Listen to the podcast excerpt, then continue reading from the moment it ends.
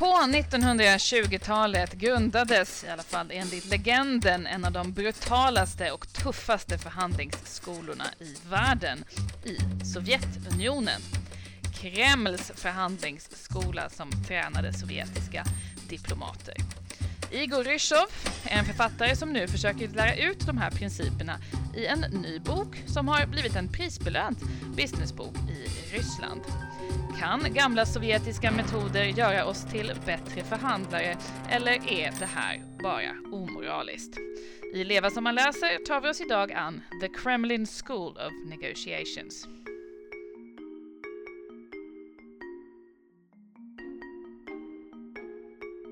Och idag får vi nästan säga Zdravstvuyte Tavarish. Hallå Katrin! Ja, hej på dig med! Du, vad är det här för bok? Vem är egentligen Igor Ryshov? Låter ju supermystiskt. Supermysigt. Ja, jag vet inte så mycket om honom. Det går inte att hitta så här jättemycket information om honom, i alla fall på något språk som jag själv kan läsa. Men han är då en eh, affärscoach som coachar företag i Ryssland och eh, har undervisat i förhandlingsteknik i, i, ganska många år. Och den här boken, The Kremlin School of Negotiation, den vann något prestigefullt pris i eh, Ryssland 2016 och har nu kommit ut på engelska. Och den sticker onekligen ut här i bokhandlarna i Storbritannien där den ligger. Den ser väldigt så att säga eh, hård och eh, brutal sovjetisk ut bland de andra böckerna i genren. Så att den, ja, man märker den. Är det här liksom någon slags oligarkcoach? Får man en uppfattning om det eller? Nej, jag har ingen aning. Du har ingen aning. Men boken har ju blivit väldigt omtalad och vad är då det här The Kremlin School of Negotiation, alltså Kremls förhandlingsskola? Är, är det ett känt begrepp? Ja, eh, han skriver om det och eh, säger att det då finns en legend om att den här skolan grundades på 1920-talet och eh, var då lärde ut en väldigt brutal och tuff förhandlingsmetod framförallt till sovjetiska diplomater. Och Andrei Andrejev Gromyko var en väldigt känd sovjetisk diplomat och mästare i den här förhandlingstaktiken. Han var sovjetisk ambassadör i USA bland annat och utsedd då av Josef Stalin och eh, i väst fick han namnet Mr Njet, herr Nej, eftersom han var eh, tuff att förhandla med helt enkelt. Jag kommer ihåg honom från min barndom. Jag är född på 60-talet. Han var ju sån här som satt i säkerhetsrådet och, och, Sovjetunionen som det hette då röstade ju alltid nej till allting som alla andra visste. Så det var kanske där han fick det här Mr Njet-namnet. Men han hade då egentligen, som du säger, gått igenom den här The Kremlin School of Negotiation. Vad är det då man lär sig för speciell teknik här? Kan vi, kan vi lära oss något av detta? Ja, alltså först vill jag säga att det här är en bok som inte är så enkel att läsa. Um, på liksom rent ytligt så kan man, den kan tyckas enkel att läsa för den är liksom uppdelad i väldigt tydliga kapitel och det finns små faktarutor och det är mycket listor och det är övningar och så vidare. Så, däremot tror jag att någonting har gått förlorat i översättningen från ryska till engelska för att det blir, den blir ganska svårläst och det är liksom svårt att hänga med alltid.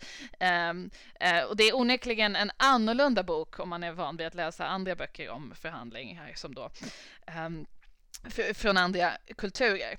Men ja, hur som helst, eh, den här Kremls förhandlingsskola bygger på eh, fem principer. Eh, och de kommer ganska tidigt i början av boken och sen är det som i många böcker att sen så börjar han lite nyansera det hela lite mer och det är en ganska, ganska tjock bok egentligen, eh, nästan 400 sidor. Men de här fem grundläggande principerna kan vi ju gå igenom om du vill lära dig att mm. förhandla som Putin, Maria. Vill du det? det? Jag vill gärna göra det, men jag har en sak som jag är nyfiken på innan och det är den här förhandlingstekniken. Är det liksom en gammal rysk sån här tsar bojar teknik eller föddes den i samband med att eh, Ryssland blev Sovjetunionen och ur så att säga kommunismens eh, ja, globala ambitioner men också känsla av att vara lite på undantag. Får man någon uppfattning om det, var, var den här har sina rötter, den här speciella förhandlingstekniken? Nej, och man blir onekligen väldigt nyfiken på det när man börjar läsa boken. Men jag tror att den antingen bygger på att man har någon form av förförståelse som jag inte har, eh, eller så är det helt enkelt inte grejen, för att han går inte in på det överhuvudtaget, utan det är liksom rakt på, lär ut de här grejerna och eh, mycket fokus på olika övningar och, och att bryta ner det. Okej, okay, så hur blir jag då en ny Gromykov? Berätta. ja. Princip nummer ett är då att man ska vara tyst och lyssna i en förhandling. Och det kan ju först inte tyckas särskilt eh, brutalt och eh, om det är nu det man vill lära sig av den här boken, att bli brutal i förhandlingar. Um, men det här är, är själva grunden. I en förhandling så är det den som pratar mest som förlorar, skriver Igor Rysov i den här boken. Uh, du ska lyssna, dels för då verkar du intresserad och du uppmuntra den andra sidan att berätta mer och mer. Och ju mer information du har, desto mer makt kommer du att få i förhandlingen. Vad tror du om det, Maria? Ja, det verkar inte speciellt, eh, som du säger, brutalt. Eh, men är målet med den här förhandlingen att, att vara brutal eller eh, liksom slutmålet, är det att komma ut som en vinnare på den andras bekostnad? Eller eh, vad, vad är det man vill med förhandlingstekniken? Att det ska, den andra ska förintas eller att man ska komma ut båda två som segrar? Eller vad är slutmålet? Ja, han pratar mycket om um lejonet och räven. Att du måste vara både som ett lejon och som en räv i en förhandling. Och lejonet försvarar sina intressen och liksom ryter och räven kan hantera sina egna känslor som är det liksom den fällan som man kan falla i en förhandling, mm. att man liksom trillar dit på sina egna känslor. Mm, mm. Och det måste vara på något sätt både och. Och om det här låter lite obegripligt så det är lite obegripligt för mig också och stora delar av boken är faktiskt så här att det är liksom Lejonet och räven och Sun Tzu och krigsstrategi och visdomsord från Marcus Aurelius och alltså det, det, är lite mycket eh, för mig i alla fall.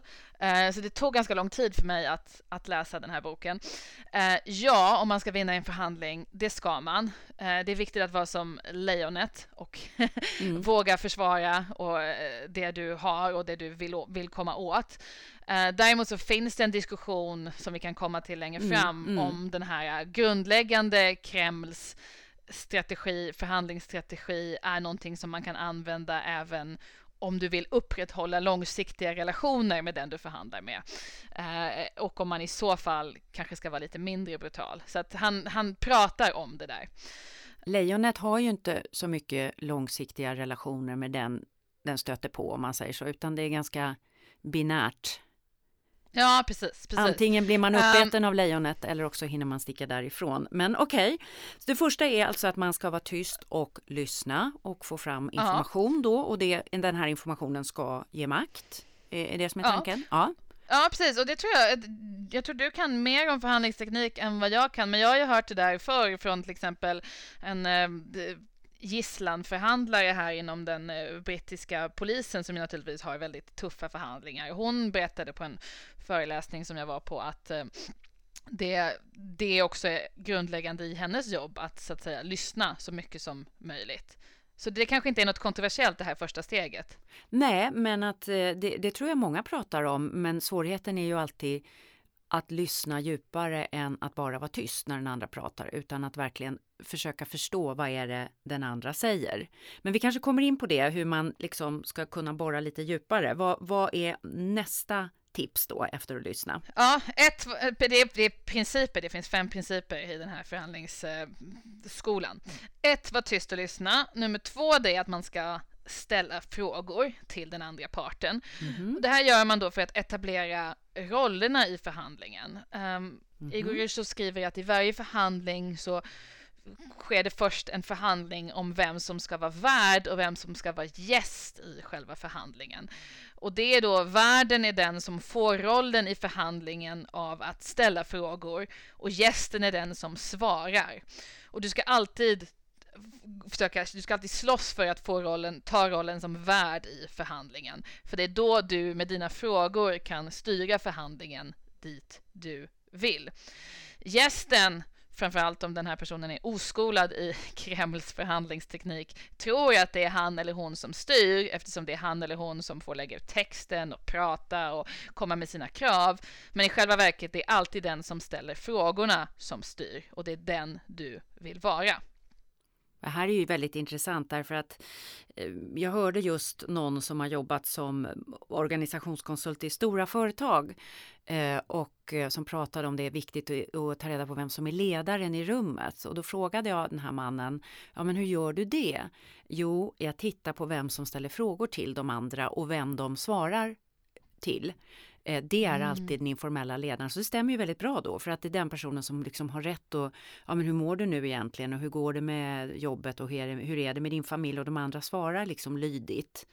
Eh, och den personen får inte själv så mycket frågor om sitt eget liv och det är ett tecken på informell makt då menade den här mannen. Så det stämmer ju väldigt bra då. Han kanske har gått i Kremls förhandlingsskola och lärt sig att titta efter det här då. Ja, ja och, så okay, men, vara. Ja, men hur gör man då för om man vill liksom komma ur den här situationen att man har blivit en gäst och man vill bli en värd? Ja, då måste man då svara på en fråga men sen direkt ställa, själv ställa en eh, fråga. Så att, för att då slå sig ur eh, sin roll. Vi, vi, skulle kunna ta ett exempel. Mm -hmm. um, Okej, okay, vi låtsas att vi förhandlar. Uh, vad ska vi förhandla om? Ja, uh, Maria, kan jag låna din lägenhet här i London i helgen? Vad ska du med den till?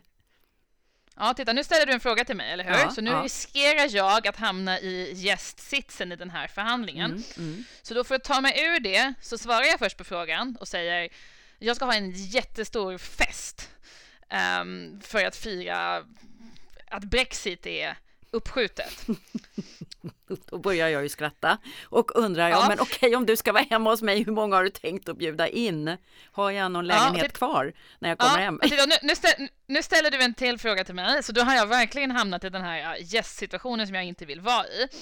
Uh, så jag svarar, okej okay, Maria, jag tänkte bjuda 200 personer, uh, men så ställer jag en motfråga. Och innan jag um, ens hinner skrika va? Ja, så ja, kommer nästa Innan du hinner skrika va, så säger jag Finns det en bra butik nära dig där jag eh, skulle kunna köpa vin och popcorn till mina gäster? Svarar på din fråga artigt här. Det finns en Tesco ett kvarter från oss. Ja, eh, vad bra. Eh, och, och, du Maria, var kan jag hitta dammsugaren så att jag kan hemma hos dig så att jag kan dammsuga upp alla popcornen som mina 200 gäster tappar på det här festen hemma hos dig. Var, var hittar jag dammsugaren? Ja, och då är ju, får jag ju två tankar. Det ena är att fan, hon är redan inne i min lägenhet med 200 Exakt. gäster och det är redan smutsigt. eh, men jag är ju också artig så då svarar jag, jo det står ju en dammsugare under trappan. Ja, precis. Och du, ser du, känner du lite vad som hände där? Ja, precis, du, är, du är inne att... i min lägenhet, du är redan inne ja. och det är redan smutsigt precis. och jag har redan accepterat det. Exakt, exakt. Och det gjorde jag genom att då slåss om värdskapet i den här förhandlingen genom att eh, ja, ja, ta fattar. rollen som den som ställer mm. frågor. Mm. Ja, fattar. Så, så det, Smart. Du mm. kan se att det funkar. Jag ser att det funkar och jag är redan på något sätt med på att det har smutsats ner så att du måste dammsuga. ja, precis. Med 200 gäster. Ja, finns. precis. Ja. ja. Um, Okej, okay, ja, det är då princip två, ställ frågor princip nummer tre är att du ska då, och nu blir det kanske lite mer vad jag tänker på när jag hör ordet The Kremlin School of Negotiation. Nu börjar det handla om att du måste placera din motståndare i en underordnad position och många skulle nog kalla det här för härskarteknik. Och det handlar då att efter att jag har då tagit min roll som värd i den här förhandlingen så börjar jag då sätta den andra personen på plats. För att i det här läget så så har jag liksom lyssnat på min motpart, jag har ställt frågor och min motpart känner, mår ganska bra, för det gör man ofta när man får prata och man får svara på frågor.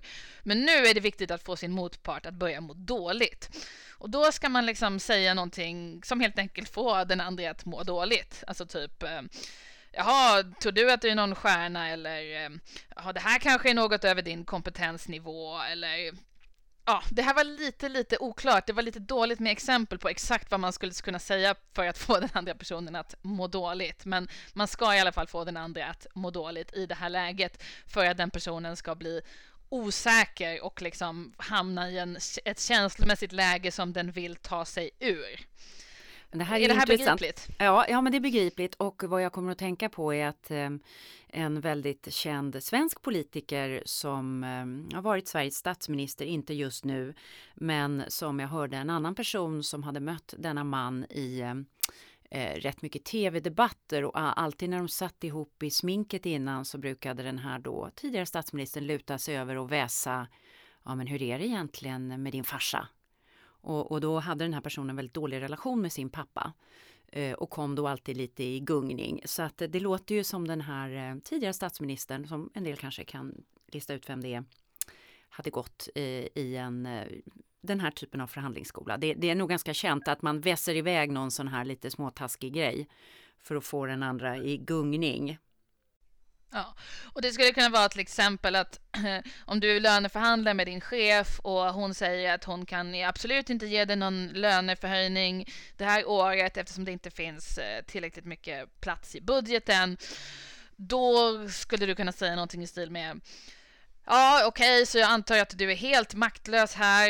Eh, det här ligger uppenbarligen helt utanför din kontroll. Eh, du har ingen makt över dessa ting, hör jag. Eh, det verkar vara upp till andra i organisationen som har mer att säga till om. Ja, men jag förstår absolut då har du fått din chef att må lite dåligt för att hon då ja, är maktlös. Eh, och det är vad du vill i det här läget. För att sen kommer du till punkt nummer fyra men, i men, vänta, Kremls innan, förhandlingsskola. Ja, men vill, vill vi då det. Därför det finns ju också psykologisk forskning som visar att det finns ingenting som folk hatar så mycket som när andra får en att må dåligt. Alltså man glömmer aldrig det, den som har fått en att må dåligt och känna sig värdelös. Man glömmer vad andra har gjort men inte hur de har fått en att må. Så det här verkar ju ganska, det verkar som att man har en löneförhandling med den här chefen och sen har man bränt broarna. jo, Eller? Ja visst, nej och det diskuterar ju eh, faktiskt Igor Ryshov också att liksom eh, i alla långsiktiga relationer så är kanske inte det här den bästa förhandlingstekniken. Eh, ja, och han nyanserar det sen lite längre fram i boken, men, men det här är så att säga grunden för att poängen med att få någon att må dåligt Först får du dem att må bra genom att lyssna på dem och ställa frågor. Sen får du dem att må dåligt genom att förolämpa dem lite lagom. Men då om man har blivit förolämpad och man mår dåligt och du står liksom upptryckt mot väggen, det är så han beskriver det, det är mycket den typen av metaforer, då vill du ta dig ur den situationen, eller hur? Om liksom någon har fått dig att må dåligt. Och då ska du hjälpa din motståndare att ta sig ur den här äh, dåliga känslan som du har försatt dem i genom steg nummer fyra som han kallar för att rulla ut röda mattan. Och det betyder att ge motståndaren en väg ut som gör att de inte tappar ansiktet. Så chefen ovan som nu känner sig som liksom eh, jättedålig och helt maktlös som inte kan ge dig den här löneförhandlingen um, till henne säger du nu någonting i stil med okej, okay, men kanske vi skulle kunna komma överens om att jag får ytterligare tre veckors betald semester då har du så att säga gett henne en utväg ut ur den här dåliga känslan och det ska du göra direkt efter du har fått någon att må dåligt. Och det här är då den gamla maf maffiagrejen att man ska ge dem ett erbjudande som de inte kan motstå för att de vill komma ur den här obekväma positionen som du har försatt dem i. Det är ju en liten sån unken lukt kring det hela. Jag tänker på verkligen maffia. Jag tänker på de här tortyrkällarna som Josef ja. Stalin hade eh, där man liksom satte folk i absoluta dödshot och så gav man dem. Men om du går in och, och berättar om vad din svägerska håller på med egentligen för fientlig propaganda så kan du få fixa det här. Alltså det, man, man känner att tekniken inte har en helt fräsch bakgrund, eller Nej. hur? Nej, nej, det känner man onekligen när man läser det här, absolut. Um, och framför allt för att jag tror att den just är jag, jag, kände själv när jag läste den boken att det är mycket så kulturell förförståelse som man nog bör ha, som jag inte riktigt har. Och därför är det liksom Därför blir boken dels svårläst och dels så liksom hanteras inte den där typen av känslor som väl vi kanske i, i uh, andra delar av Europa känner när vi, när vi läser den här boken. Men eh, ja, nej, men det är mycket möjligt att det här delvis fungerar. Um, det här är i alla fall då punkt fyra, liksom, du, rullar, du ger dem ett erbjudande de inte kan motstå och det är väldigt viktigt att ge dem en möjlighet att rädda ansiktet. Liksom. Um, för annars finns det en risk att folk bara blir jätteaggressiva och du förlorar på det, utan du måste liksom så att säga ge dem den här utvägen. Um, och egentligen, som jag förstår det, så är det någonstans hela tekniken. Men sen finns ett femte steg som man kan använda sig av också, där, som då handlar om att man ska göra motståndaren rädd. Um, och det här är också viktigt enligt den här förhandlingsskolan. Och det här gör man inte bäst genom att skrika och hota, eh, utan istället genom att så att säga skapa osäkerhet. Um, vi kanske skulle testa det. Vill du testa det? Okej, okay, jag, jag, make me scared baby. Jag låter som en gangsterfilm. Okej, okay. ja, men om vi tänker oss en försäljningssituation till exempel. Uh, om du um, försöker sälja mig en penna. Har du någon penna där framför dig? Mm, jag har en penna här och jag säger jag har en fantastisk ja. penna här för dig. Katrin, lätt att skriva med. Den är bekväm i handen. Snygg handstil kommer du få och uh, ja, jag kan inte nog prisa den här pennan. Du ja, kan faktiskt få köpa okay. den av mig för två kronor. Okej, okay. och då ska jag då först verka som att jag går med på det här erbjudandet och liksom hålla med och la la la. Och sen i sista stund, precis när du tror att du verkligen har ett, en, en deal om den här pennan, då ska jag slänga in någonting som Ja, fast jag vet inte om den här pennan kommer att få plats i min ficka, Maria. Det här är kanske, kanske helt fel för mig. Och då kommer du känna osäkerhet om någon liksom i sista stund liksom mm, ger mm. uppfattningen Nej, jag trodde allt var klart, har... ja, precis. Ja. ja. precis, precis. För då har du redan liksom emotionellt gått in i att allt var klart. Och då vill du väldigt, väldigt gärna att allting ska vara klart, för du har redan ställt in dig på det. Och då är det en stor chans att du då helt plötsligt sänker priset på din penna till en krona istället. Mm, okay. um, ehm, och då, det är liksom genom att introducera osäkerhet i sista sekund så kan jag då få en bättre deal på den här pennan i den här förhandlingen. Ett annat exempel han tar är om en, eh, en chef som då du är chef och du försöker övertyga någon om att stanna hela natten och jobba över och personen vill inte. Och då kan du antingen skrika och gorma och säga du måste sitta här hela natten. Um, men det kommer faktiskt inte skapa rädsla menar Igor Ryshov, utan det du istället ska säga är helt lugnt. Ja, Okej, okay, om eh, du inte vill jobba över, då kommer vi säkert att klara oss utan dig. För då introducerar du ett sånt här gnagande tvivel i bakhuvudet på din eh, medarbetare där om han verkligen behövs i företaget och vad som egentligen händer. Och då är han i mycket högre grad eh, benägen att säga ja, jag tänker sitta här hela natten. Jag förstår. Ja, det är intressant med den här eh, strategin därför att den går ju på tvären mot vi har ju tidigare pratat förhandlingsstrategi, typ Harvard-skolans förhandlingsstrategi som går ut på att alla ska komma ut som vinnare på något slags sätt. Eh, och här är det verkligen en, en är lejon och en är uppäten av lejonet på något sätt, eller hur? En är vinnare och yep. en är förlorare. Men du, eh, har du testat det här nu eh, på något slags sätt? Funkar det här i verkligheten? Ja, jag har faktiskt testat det här. Man skulle säga att jag kanske först, först och främst har testat de två första stegen som är de något snällare stegen av den här förhandlingsstrategin. Men jag hade faktiskt vissa framgångar med detta, så att ja, vi kan väl lyssna hur det gick. Det här handlar då om en riktig, riktig förhandling eh, som då handlar om att vi köpte ett nytt kylskåp och sen så när de skulle bära in det här kylskåpet, Maria, då eh, skrapade de golvet, vårt nylagda golv i hallen. Och då har vi haft liksom en långgående diskussion med det här kylskåpsföretaget om att de ska eh, så att säga betala för eh, Ehm, att få det här golvet fixat. Och de har bara så att säga, inte, de har sagt ja, men sen har de inte svarat på mejl och de, det går inte att få tag på dem och det har, varit liksom, det har verkligen pågått i veckor.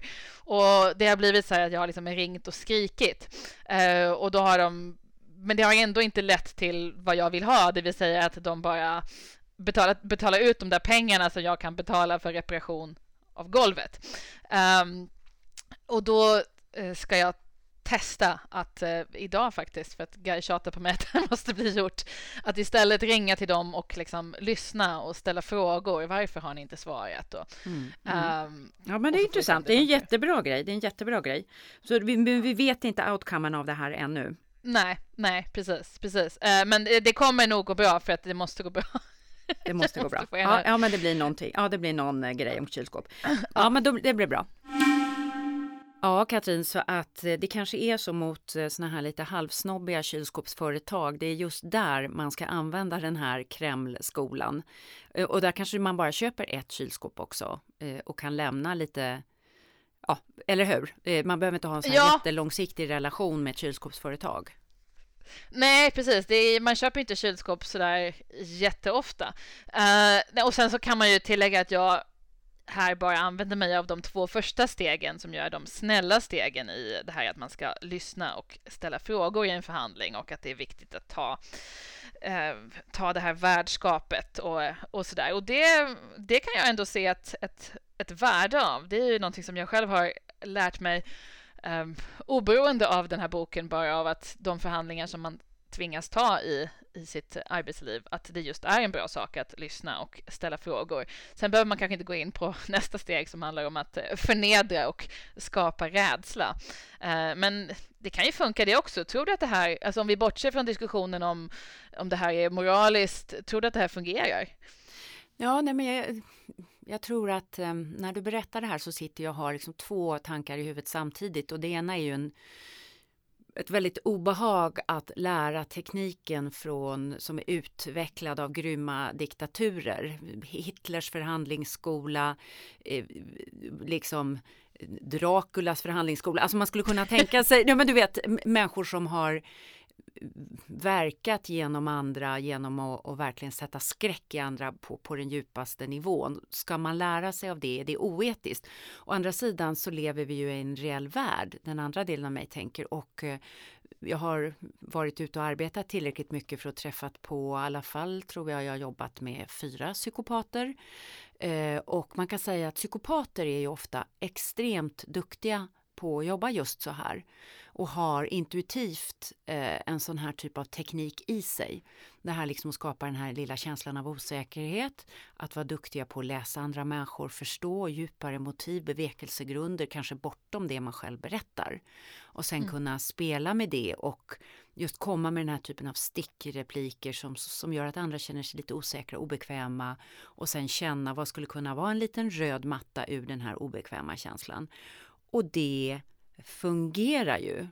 Eh, det kan man också se, sådana människor kan ju vara djupt framgångsrika.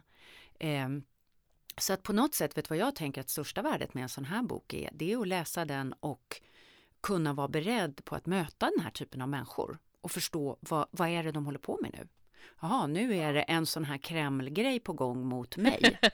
Och jag ja, ska inte acceptera att någon sitter och trackar mig för någon bagage jag har som egentligen inte betyder något. Utan, så så det, det, det, är, det är väl vad man, nästa bok som måste skrivas. Hur försvarar man sig mot the Kreml style of negotiation? Eller hur? Ja, precis. Utan att använda den själv. Nej, precis, precis. Ja. Nej men sen ska man ju tillägga att boken, boken blir lite mer nyanserad och den, går ju, den, går ju, den är ju väldigt, alltså egentligen på många sätt föredömligt praktisk och, eh, och på det sättet lätt att ta till sig att det är just väldigt mycket övningar och så vidare. Men sen handlar det mycket om att alltså till exempel att bygga förhandlingskartor um, och strategier. Och det, liksom, till exempel kan jag tycka lite vettigare så här att liksom man ska vara väldigt spalta upp sin information om motståndaren. Vad vill motståndaren ha? Vad kommer deras argument vara? Vad är viktigt för motståndaren? Vad vet motståndaren om mig? Eh, vad tror motståndaren att han vet om mig? Vad är hans intressen? Vad är den viktigaste frågan för honom? Vilket problem vill motståndaren lösa i den här förhandlingen?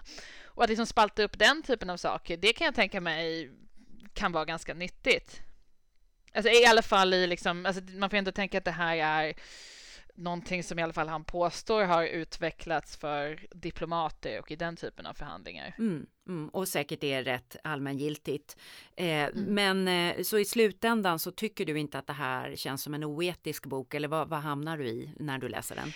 Alltså delvis liksom, eller jag vet inte, den är den är bara, den är som väldigt, väldigt annorlunda alla böcker i liksom någon slags eh, mer västerländsk affärsbokstradition. Och därför så är det en upplevelse att, att läsa den och man just läser den och känner att det är massa undertexter och grejer här som jag liksom bara inte begriper för att jag har inte den här kulturella förförståelsen. Och bara det är intressant och och sen finns det ju saker och ting att, att lära sig, men det är klart att det finns ju någonting i hur boken marknadsförs, liksom, och hela omslaget som är lite sådär ja, sovjetiskt slash Putin cheek liksom layout som man kanske skulle kunna diskutera eh, ja, dess lämplighet så att säga. En sak som jag tänker på det är ju också att västerlandet är ju ändå relativt sett, visst finns auktoritära strukturer i västerlandet men det är mer öppet för att människor kan byta jobb, byta organisation, byta land om man inte trivs och så vidare. Kanske bra att ha läst den här typen av bok om man ska arbeta i väldigt auktoritära samhällen. Ja, eh, ja. Eh, om man uh, har men... mycket business i Kina, om man eh, jobbar mycket i Asien eller vissa delar av Afrika som är just väldigt, kan vara väldigt auktoritära strukturer. Det är bra att förstå hur man tänker i samhällen där makt alltid går ut på att en vinner och en förlorar. Vi tänker ju inte riktigt alltid så i väst, men eh, det kanske är bra att få en insikt i det då. Eller? Mm. Ja, ja, och sen så jag blev ganska ödmjuk av att läsa den här boken med att liksom bara, ja, det är väldigt mycket som jag inte förstår. Jag förstår, jag har läst hela den här boken, jag förstår inte sådär jättemycket av den och det är för att jag har den kultur jag har och kommer därifrån jag kommer och det är så lätt att tro att på något sätt det man själv begriper och det man själv har referensramar till är det allmängiltiga. Uh, och så är det ju inte för väldigt många människor. Så det var ju någonting lite otippat som jag faktiskt lärde mig av den här boken. Så vem ska läsa den här boken då tycker du, denna eh, otippade bok men intressanta? Nej, men jag tror dels om man är så här eh, jätterädd och tycker att förhandlingar är superobehagliga, då tycker jag faktiskt det kan vara en poäng att läsa den här boken. Um, för att den eh, hymlar liksom inte med att, att det är ett krig, det är en strid. det är, men den ger dig också väldigt så här, eh, konkreta verktyg för att hantera väldigt många olika situationer i en förhandling. Eh, sen kanske de inte alltid fungerar. Jag kan tänka mig att en del av dem är liksom lite för hårda och lite för brutala, men det är liksom, det är liksom inget, eh, det är liksom ingen flumbok, utan den säger verkligen så här, gör så här, säg så här. Uh, och är man ute efter det eller tycker att det är intressant så, så kan man nog läsa den här boken. Men sen ska man bara generellt läsa den om man är intresserad av av Ryssland kan jag tänka mig eller, eller liksom bara vill läsa något som är, som är väldigt, väldigt annorlunda från andra förhandlingsböcker som eh, kommer ut i Sverige i alla fall. Mm. Intressant. Ja, och eh, det här, eh, vi börjar gå mot slutet på Leva som man läser och sen tycker jag också att det är väldigt viktigt om man pratar om Ryssland att det finns ju en helt annan sida av Ryssland och ska vi sluta med någon lite vacker musik från Dr. Chivago tänkte jag. Vad säger du om det Katrin?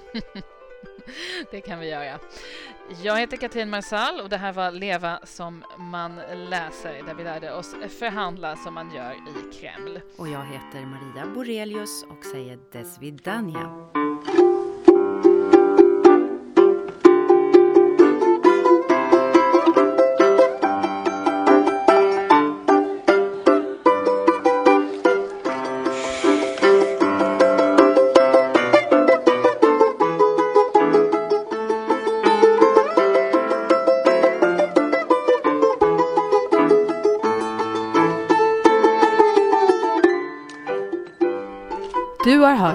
Leva som man läser.